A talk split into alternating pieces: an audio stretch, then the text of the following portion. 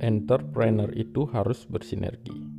Ketika kita melangkahkan kaki, itu artinya kita sudah berpindah tempat dari tempat lama ke tempat yang baru. Ini yang akan selalu dilakukan jika kita seorang entrepreneur yaitu action. Yang bisa diartikan tempat baru sebagai strategi baru, tekanan baru, tantangan baru dan resiko baru. Dan kita harus siap untuk semuanya karena itulah pertumbuhan mental yang bagus. Jika tidak, tentu kita stop melangkah dan hanya dia melihat kompetitor melewati kita.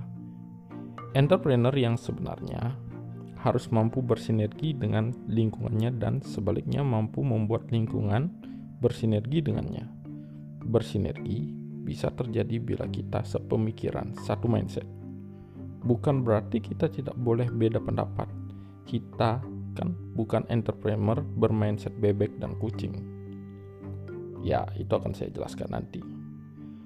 Justru harus ada perbedaan pendapat agar bisa ketemu dalam satu titik kepuasan. Yang penting tujuannya sama, selaras. Maka ini akan memberikan sebuah resolusi dengan impact yang juga luar biasa.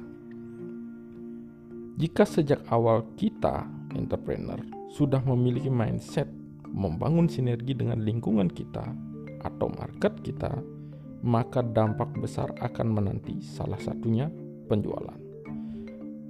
Satu cara terbaik untuk membuat kita bisa bersinergi dengan lingkungan adalah dengan berbagi. Dan ketika kita, saya menulis story ini, notifikasi chat masuk dari HP yang berada di sebelah saya.